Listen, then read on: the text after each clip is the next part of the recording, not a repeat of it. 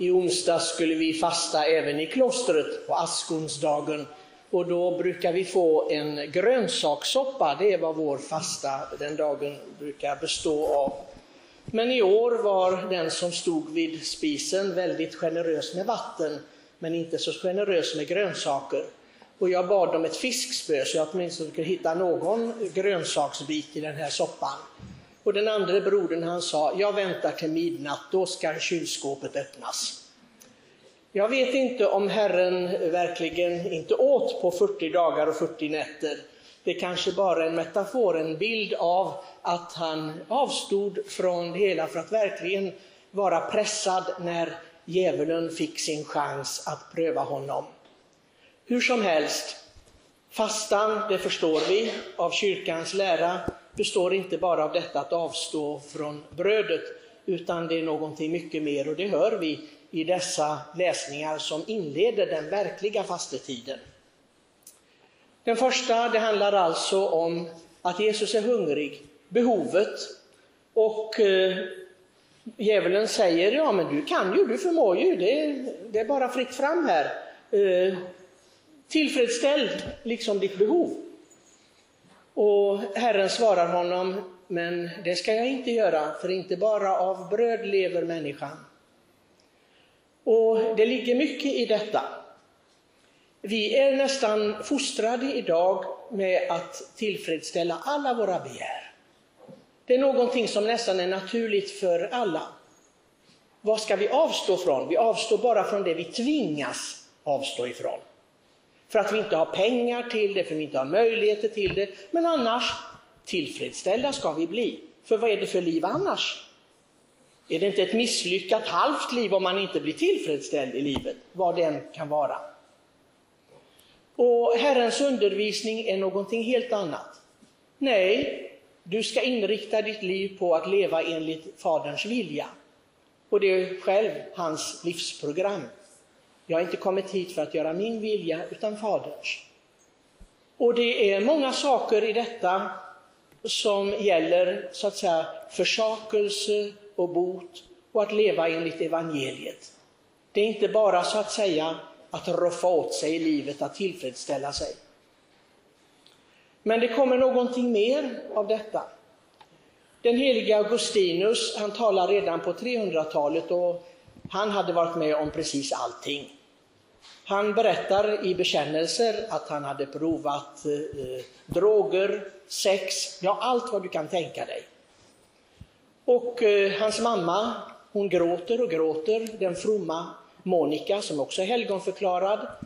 Och det enda hon väntar på det är sonens omvändelse. Och eh, hon får nåden att inte bara så att säga, uppleva att Augustinus omvänder sig, men han blir också präst, senare biskop, ja, och efter sin död utropad till kyrkolärare. Så nog hade Monikas förbön stor makt och kraft, men också naturligtvis inte bara det.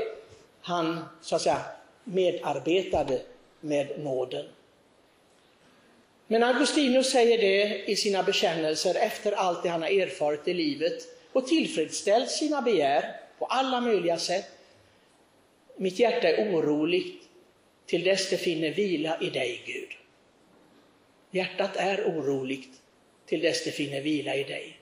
Och det ser vi alla de människor som försöker tillfredsställa sig själva på alla möjliga sätt.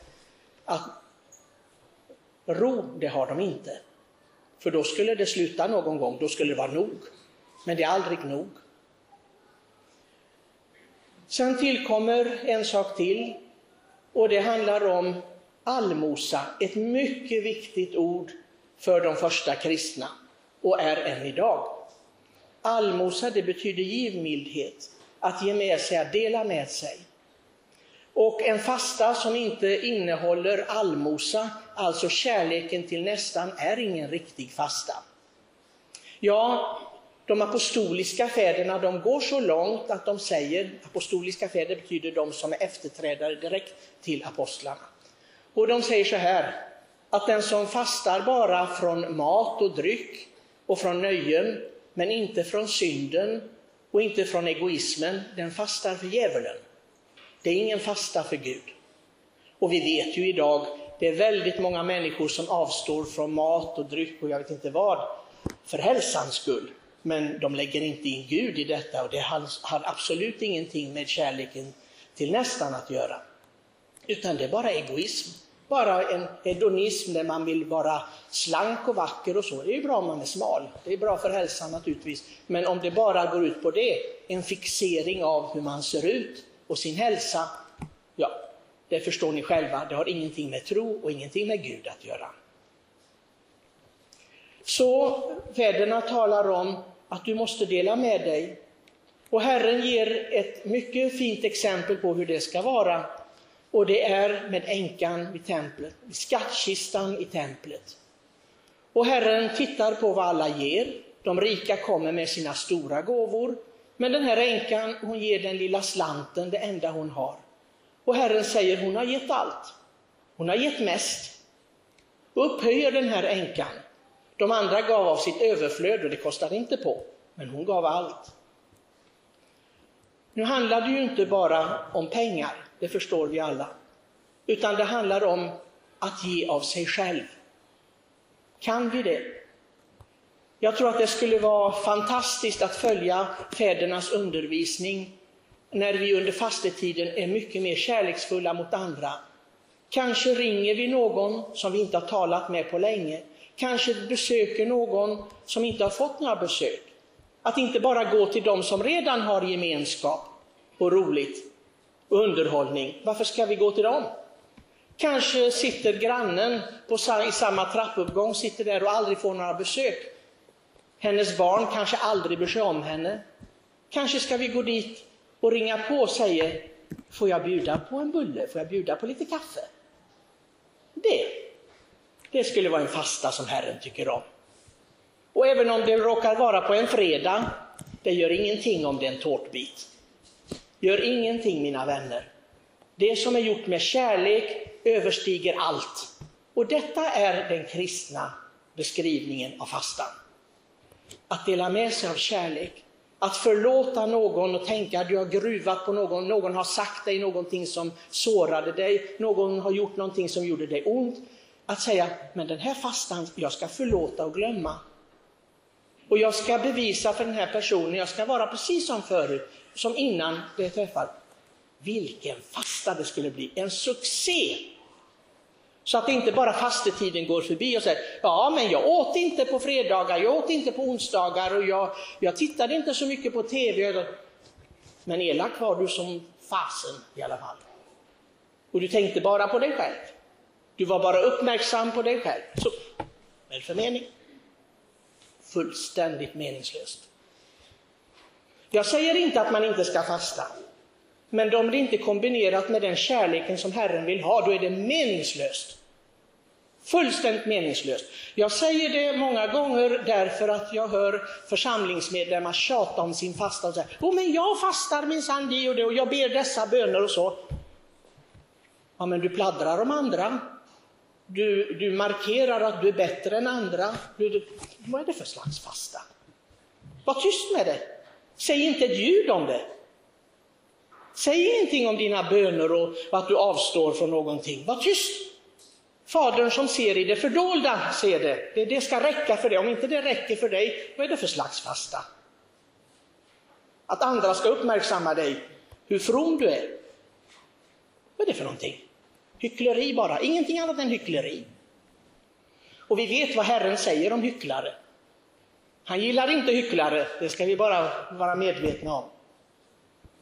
Så kärleken, det är det första budet, att inte bara koncentrera sig på sig själv.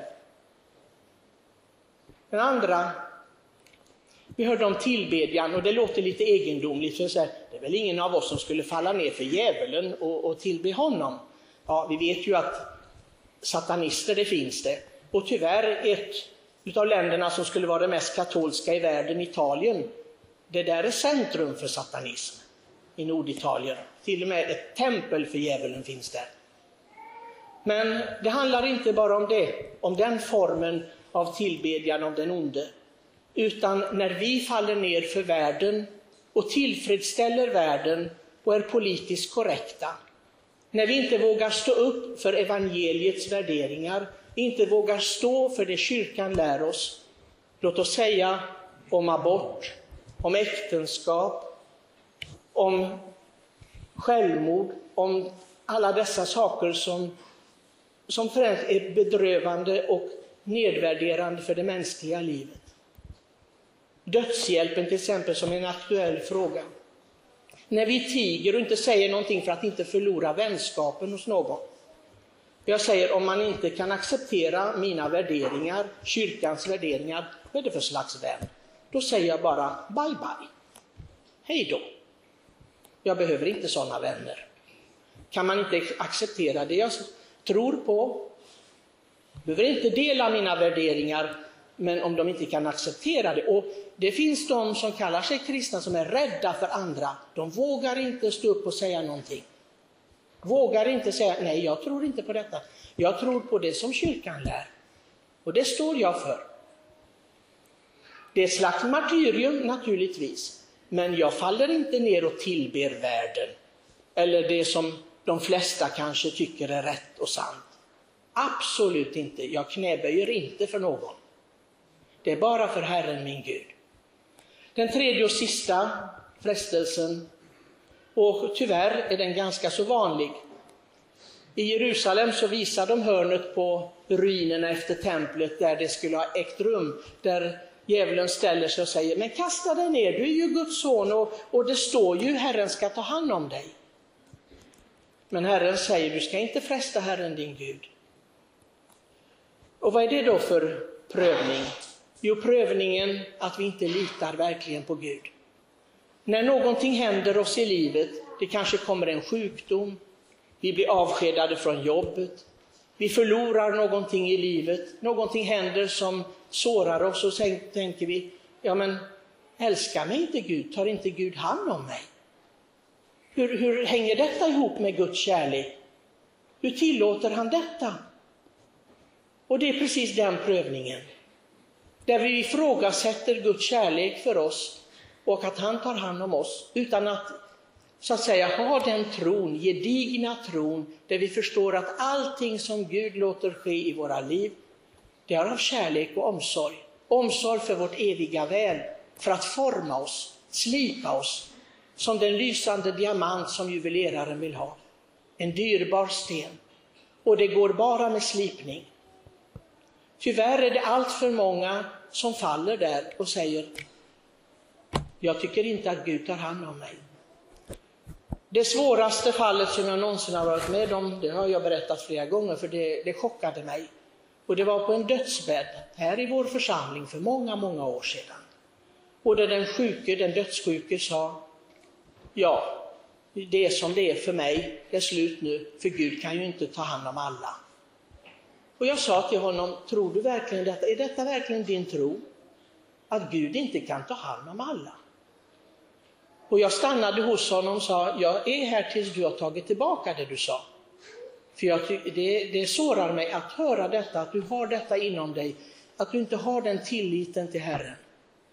Det är inget straff det du går igenom. Absolut, sjukdom och död är inget straff. Det är kyrkan på det klara med. Men vi måste gå igenom vissa saker och precis som Pater Pio sa till de som kom med sjukdomar och elände i livet och sorger, sa han, var glad att du kan göra bot här i livet. Ta det som en botgöring för dina och världens synder, då blir det, det till frälsning och helgelse. Tänk om vi bara kunde göra det och tro på detta. Då hade vi gått igenom just den frestelsen, den prövningen, just med tro och vi skulle bli ännu heligare.